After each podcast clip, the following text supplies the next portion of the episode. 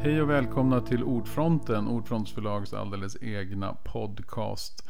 Jag heter Pelle Andersson och det är jag som leder dessa samtal. Och idag ska vi träffa Jenny Rogneby. Tjena Jenny! Hej! Hej! Du kommer alldeles nyss, eller ja, ja den, är, den är precis ny kan man ju ändå säga tycker jag.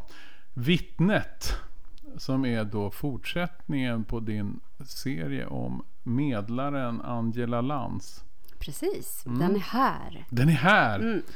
Och det här att skriva om en medlare, vad var det som liksom, du, känns det fortfarande lika roligt och spännande att skriva om en medlare? Absolut. En polismedlare. Du kan ju säga lite kort också vad det är. Ja, mm. precis. Mm. Och, och det, jag kom ju i kontakt med medling när jag jobbade själv på polisen som brottsutredare.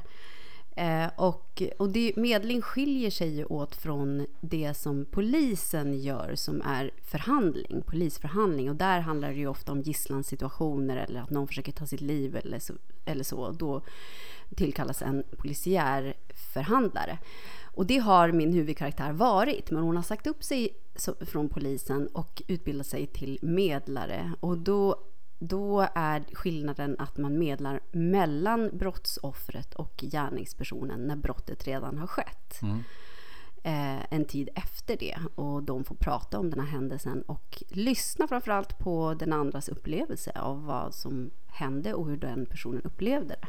Just det, och det är också ett sätt för båda då, att för, för brottsoffret att förstå och kanske också ja, känna att den, den här, nu har jag fått berätta hur jobbigt det var för mig till, till brottslingen. Många gånger är det ju det som är viktigt för ett brottsoffer att få eh, föra fram hur, hur illa man har blivit behandlad och hur, hur, hur jobbigt det har varit för en, det här som den här människan har gjort mot en och också ställa frågor. Mm. Varför gjorde du så här mot mig? Vad hade jag gjort dig? Mm. Liksom. Och vad händer nu? Kommer du ju att söka upp mig och hämnas på mig för att du nu har blivit för att du nu har blivit gripen av polisen och fått ett straff exempelvis. Mm. Så det är ju en, en stor grej för ett brottsoffer och även för gärningspersonen då att få, få höra det här men också få berätta för brottsoffret sin situation och sin eh, upplevelse av det som hände och varför framförallt som man gjorde det här mot en annan människa. Precis. Så att det, det har, jag tyckte att det var jätteintressant att skriva om eh, och har tänkt på det ända sedan jag jobbade då på polisen.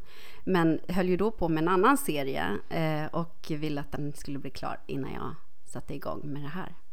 Och det är intressant också för i, i första boken så kastade du in i ett, i ett ganska kontroversiellt och jobbigt ämne. Eller ett ämne som vi inte, som är som finns där, alltså våldtäkt och så, som är liksom, finns där i vårt samhälle hela tiden men som verkar vara svårt att tala om eller svårt att liksom ha en vettig diskussion kring. Och så fick, gjorde du det där. Och nu, då tänker man så här, nästa gång ska du göra det lite lättare för dig. Men då, då tänker du i vittnet att nu, nu ska vi ta våld i nära relationer. Ja. Familjevåld och så. Mm. Ja, nej men det där med att göra det lätt för sig, det har jag ju liksom... det är inte din grej. Det är inte min grej. Uppenbarligen inte min grej. Ibland önskar jag kanske att jag inte alltid gav mig in i så svåra eh, så svåra ämnen och så. Men samtidigt så har jag ju tyckt att det är otroligt givande och intressant och det är ju något som jag själv har liksom fastnat för. Så då tänker jag att det kanske finns andra som är intresserade av det också. Eh, ja, den här boken handlar om våld i nära relation och som vanligt då när jag ska skriva om ett ämne så börjar jag alltid fundera på från vems synvinkel ska jag berätta det mm. här. Och eh, det, det, det, finns ju mycket liksom sagt om, liksom, om kvinnans situation i våld i nära relationer och hur svårt det är att ta sig ur en destruktiv relation. Och, men jag kände då att jag att jag, jag, bestämde mig för att jag skulle skriva om ett barns, utifrån ett barns perspektiv och synvinkel. Och när jag väl började fundera på, på barnet så, så blev det hela så himla kusligt och obehagligt. För man liksom kan tänka sig hur, hur jobbigt det är mm. för ett barn att få se något sånt här. Och att bevittna kanske det värsta man kan se, sin mammas död. Mm.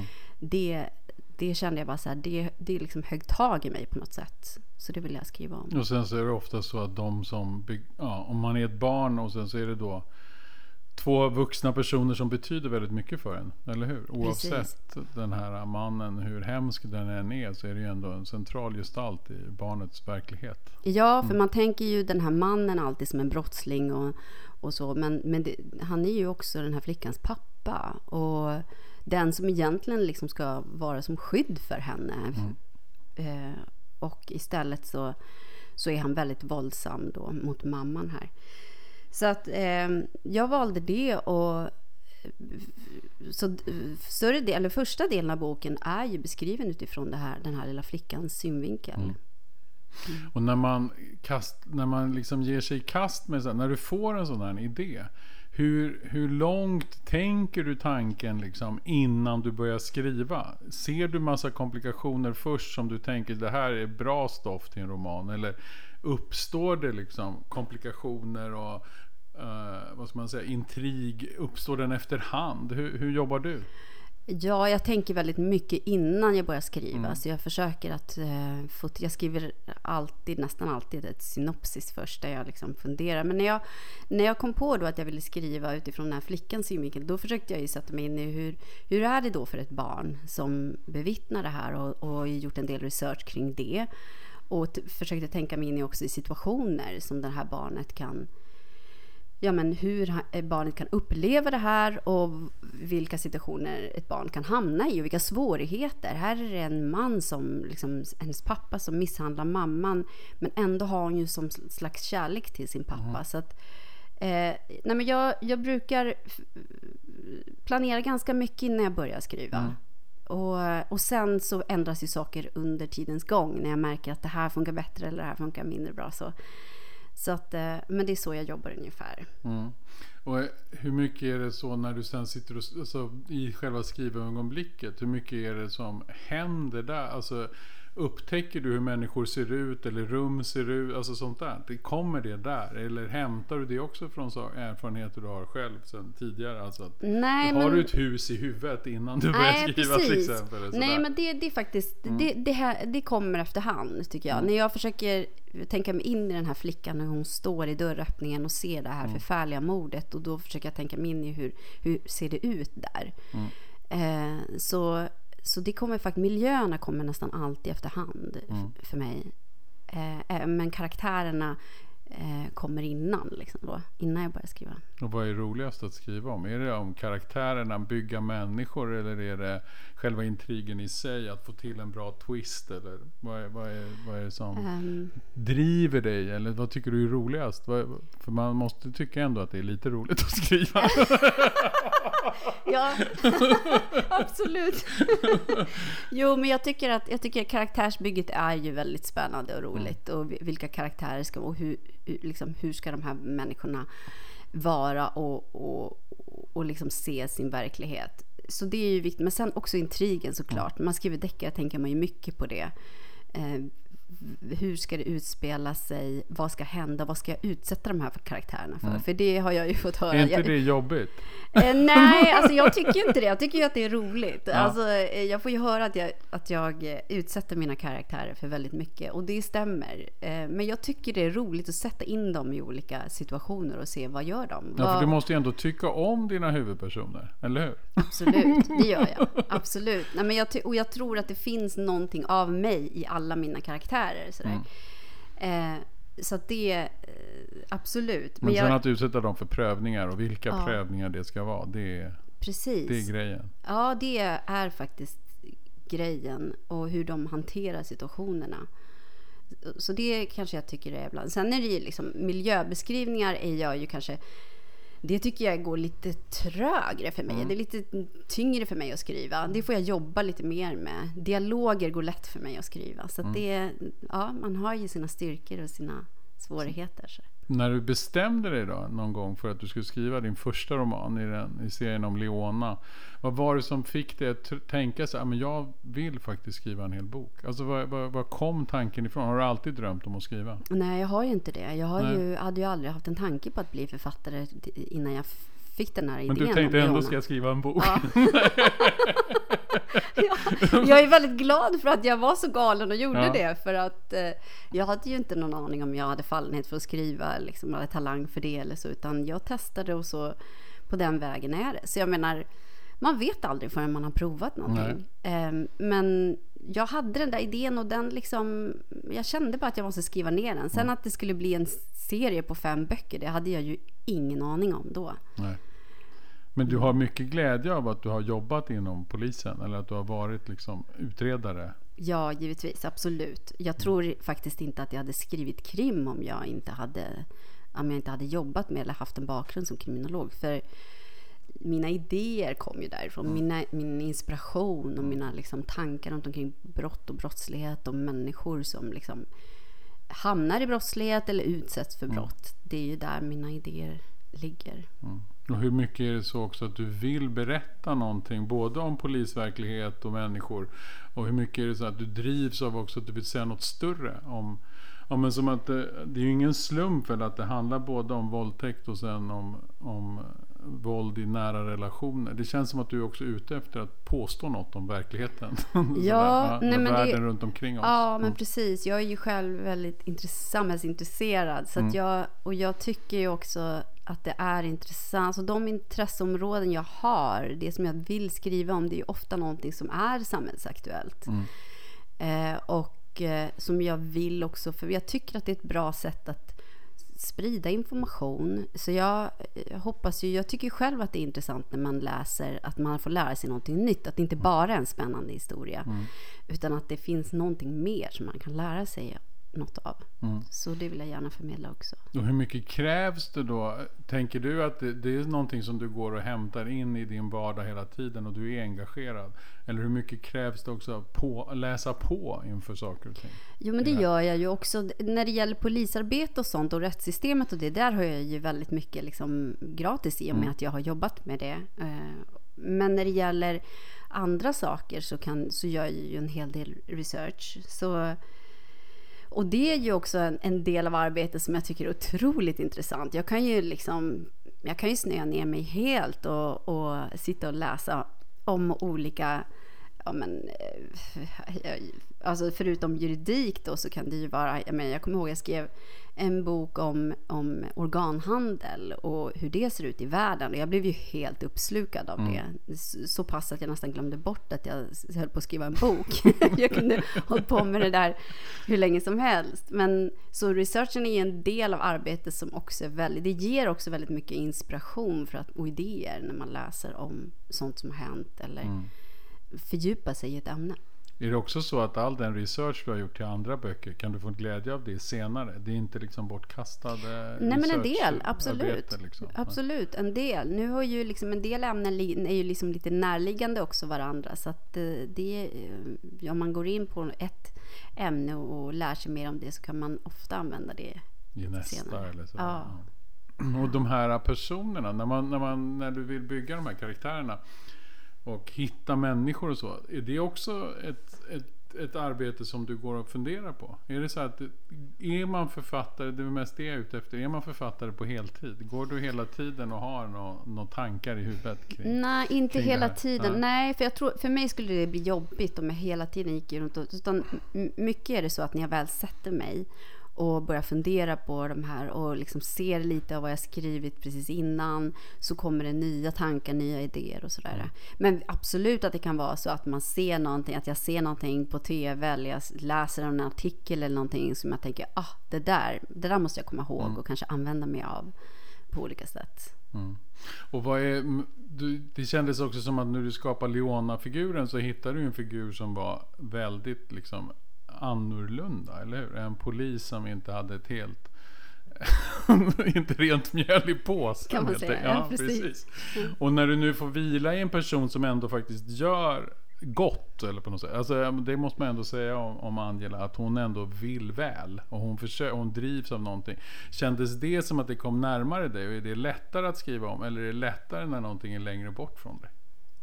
Mm, intressant fråga. Jag ty- både och. Alltså det, det är någonting som är otroligt befriande att skriva om en karaktär som gör saker som man absolut aldrig själv skulle kunna göra. Eh, både befriande och roligt och liksom utmanande.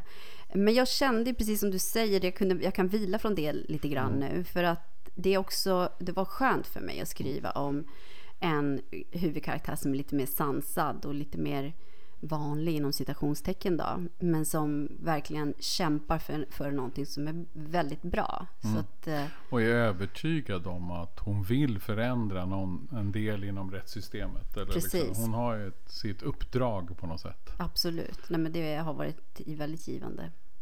Och de här, hur mycket tänker du också på det med det här med familjerelationer? För det här finns ju en väldigt stark relation mellan Angela och hennes syster.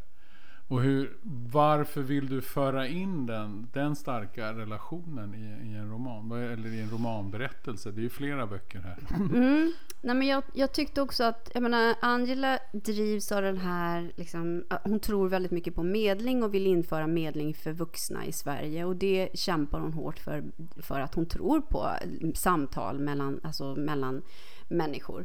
Men jag ville också föra in det här med hennes syster för att jag ville också att det skulle vara personligt för henne. Inte bara som hjälp, eller bara inom citationstecken, som hjälp för samhället utan också att det ska ha en viktig del för henne själv mm. och för hennes syster.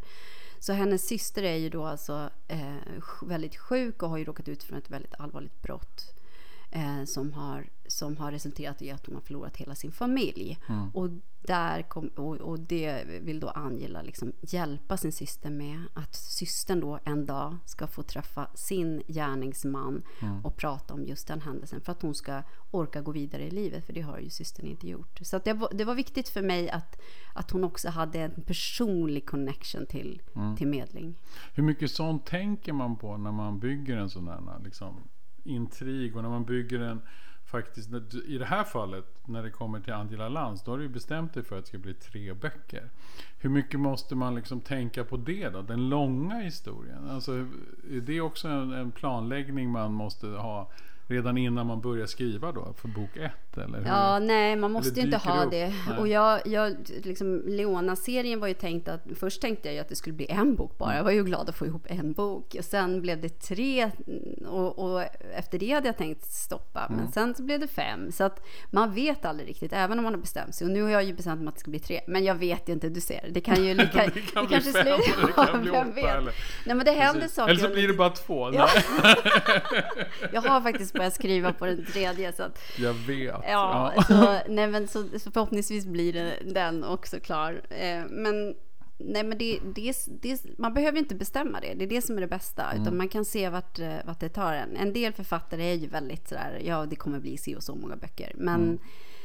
men jag tror att många håller det lite öppet. Mm. För eh, saker och ting händer under tidens gång. Man kanske, det kanske som för mig kommer många fler idéer som man vill lägga in. Som inte får plats i de där tre kanske Nej, som man precis. har bestämt. Eller så Ja, eller så känner man bara att man vill skriva om någonting annat. Så var det ju lite för mig med Leona-serien då. Jag har ju inte avslutat den kanske helt, men jag har lagt den på hyllan. Alltid en liten brasklapp. Ja, en liten öppning. man, man vill inte stänga dörren helt. men, det vore så tråkigt. Ja, ja, men man vet aldrig liksom sådär. Så att jag, vi får se. För det tänker jag skulle också vara ett av de stora, alltså en av de stora utmaningarna. För man tänker om man skriver om något verkligt, om du är om du är fackboksförfattare så då finns det ju någonting som ska berättas. Men i det här fallet att liksom hitta personer som man vill vara med över så lång tid och tänka ut att det ska finnas någon slags annan utvecklingslinje som är lång i en bok jämfört med det som faktiskt är deckaren är ju att få upp pulsen och få det här att hända och få spänning i en bok och så ska det ändå ligga en lång berättelse. Det tänker jag skulle vara en svår utmaning. Faktiskt. Jo, men det är, mm. ganska, det är mm. ju svårt för att man måste dels ha en, liksom en trig som avslutas efter en bok och sen så ska ändå karaktärerna kunna, om man då vill fortsätta, kunna leva vidare och då behöver man ju ha en karaktär som utvecklas och det händer nya saker i serien. Mm. Det kan inte, det kan inte bara, man kan inte bara dra ut på den och, och det händer ingenting nytt utan Eh, och det är väl lite olika hur man, hur man... Jag har ju tänkt mig då att det ska bli tre den här mm. gången. Så att eh, jag har planerat för det. Och än så länge så verkar det bli så också. Ja, jo, det, det känns så. ja. Som att det kommer gå vägen. ja, precis. Jag tror det. Men absolut. Och sen karaktärerna som man har med i Eh, oftast är det väl hu- huvudkaraktären som följer med till Mm. kommande böcker och sådär. Och man kan ju ta med någon fler också. Och man kan ju döda någon om man inte orkar med den Precis, karaktären. man har alltid den, den Ja, möjligheten när man skriver deckare. Eller som jag då låter någon bli gripen istället och sådär om man inte vill ha med dem sådär. Så det finns ju Mm. Om man olika sätt. tröttnar på någon kan man vara riktigt taskig mot dem. Exakt, Mm. man har ju den makten. Men, ja, så det finns ju lite olika sätt att bli av med en karaktär om man tröttnar. Men tyckte du själv att det var svårare nu när du har en, liksom, en medlare som som egentligen inte själv är polisutredare? Alltså annars kan man ju tänka sig att det är vanligt att man har en polisman eller man har en journalist eller alltså någon person som kan agera mer. Här är ju ändå ut, egentligen är det ju samtalet som ger oss det här. Hur, Ja. Vad som har hänt egentligen. Ja men absolut, och det är ju en utmaning Mm. att göra det. Och därför har jag väl kanske garderat mig lite i och med att hon tidigare har varit polis och ändå har den här ådran av att ta reda på vad var det egentligen som hände. När hon märker då under samtalen här att nej men vänta nu, stopp, det här är ju något som inte riktigt stämmer. Och då eh, kan hon forska lite på egen hand sådär då, eftersom hon har varit polis tidigare. Så att, så att eh, det inte bara blir att sitta och, och samtala i ett rum i en hel bok. Det, men det är också ju ofta, det de har glädje av där, det är ju att du har två sidor av samma berättelse. Så man kan, det, det har, du ju, har du varit bra på att leka med. Ja, men precis. Och jag har ju också tyckt att det har varit så intressant när jag Mm. utrett brott tidigare, när jag jobbat som brottsutredare, att jag har hållit förhör med den, den misstänkta och fått höra en version av händelsen och sen den, den som har varit utsatt för brottet har en version och ibland stämmer ju de där inte alls överens. Eh, Nej. Och, och det här tycker jag har varit det, det jag har använt mig av helt enkelt i den här serien. Mm. Att läsarna ska få, red, få följa först den ena och, och få en bild av vad som hänt och sen så får man följa den andra och så oj, det stämmer ju inte det här. Mm. Var det så här det gick till? Och så får man då Men du menar också att det har varit så när du var polis? Är det så det ofta känns? Om det är ett mer kanske komplicerat brott, att man tänker oj, nu, jag tror faktiskt på den här personen. Och sen tror man lika mycket på nästa person. Kan Ja, det men vara många så? gånger ja. Mm. är det ju så att man får en version och, och tycker att ja, men det här låter ju rimligt. Så här kan det ju ha gått till. Mm. Och sen så f- får man eh, en helt annan Mm. berättelse sen. Och kanske några vittnen som ligger däremellan. Eller Just sådär. det, folk är osäkra på Ja. vad de faktiskt har sett. Och så. Ja, och har sett saker som kanske inte alls liksom stämmer överens med vad en av dem säger. Eller Nej, sådär. precis. Så att, och det här är ju det som jag har tyckt varit intressant i brottsutredningarna. Mm. Eh, och det vill jag väl utforska lite mer här då. Men vad var det som fick dig att söka dig mot polisen från början? Vad är, vad är det i själva utredningsarbetet eller det här som du inte kan släppa? För först ville du ju bli polis, eller ja, inte polis, men du var civilutredare. Kriminolog, ja. kriminolog. Och nu har du så fortsatt i det här fast du inte är kriminolog. Men eh, vad är det i det där som triggar dig? Vad är det som är så spännande? Nej men alltså från början var det ju, i, i, in, vill jag ju veta mer om brott och brottslighet. Det var därför jag började läsa kriminologi då. Eh, och varför människor liksom begår brott och drivkrafterna runt omkring det. Och, och sen då när, när, jag, när polisen sökte brottsutredare så sökte jag jobb där och jag tyckte att det var oerhört intressant att få, få liksom en mm, större inblick i vad som händer när, när det har skett ett brott och alla människor som är inblandade. Många människor inblandade blir när, när det har skett ett brott. Och hur påverkade människor runt omkring blir. Det skriver jag ju en del om i den här serien Absolut, också. ja. Att det, det påverkar så många, liksom, det är brustna familjerelationer och det är liksom människor som misstror varandra. Och det är så mycket som påverkas av den brottslighet som sker i samhället. Ja, för det är just det där att man kan ju tro att det är ett brottsoffer och en brottsling. Och sen så är det så många ringar liksom, Mm. på vattnet runt de här människorna som påverkar. Alltså det tycker jag också är det är också någonting som du gör väldigt tydligt. Det tycker jag är väldigt bra med dina böcker. Just det här att det är även familjemedlemmar i nästa steg eller sådär. Eller den som har blivit drabbad har också en familj och även brottslingen har en familj och så vidare. och så vidare. Att de här personerna också att det, blir så himla... Alltså det är inte heller det att de drabbas lite sådär. Utan för dem är det också lika allvarligt nästan för de som är faktiskt inblandade i själva brottet. Så det där är... Precis, och jag, Mm. så jag, så, så jag, jag tyckte att det var, alltså det var ju en stor del i den här serien för Mm. mig att skildra liksom brottslighetens konsekvenser egentligen. Mm. Alltså eh, vad som händer och liksom i en familj, speciellt då när jag skrev första boken om våldtäkten, är hur många, liksom, den här flick, kvinnan som råkar ut för den här Mm. våldtäkten, hur hennes familj reagerar. Hennes Mm. pappa reagerar helt annorlunda än hennes mamma. Och, Mm. och jobbet, hur hennes, eh, hennes eh, arbets... Hon klarar inte av att jobba. Så det, här, det, är så, det är så mycket hon liksom försöker hantera det här att utsatts för det här brottet. Mm. De delarna vill jag verkligen få fram. Och, och samma sak då i den här boken med den lilla flickan.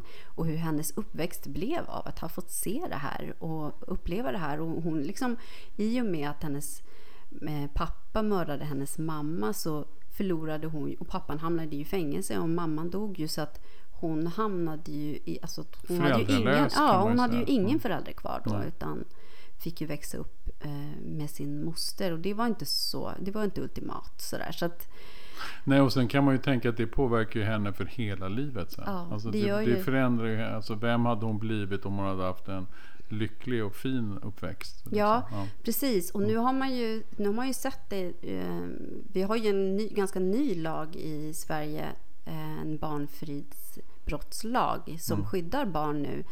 Eller skyddar barn, men i alla fall har gjort det brottsligt att, eh, att låta barn bevittna våld. Mm. Och det är ju en jätteviktig sak, tycker jag. Och där har lagstiftaren verkligen eh, skickat en signal om hur viktigt, alltså stärkt barnens rättigheter här.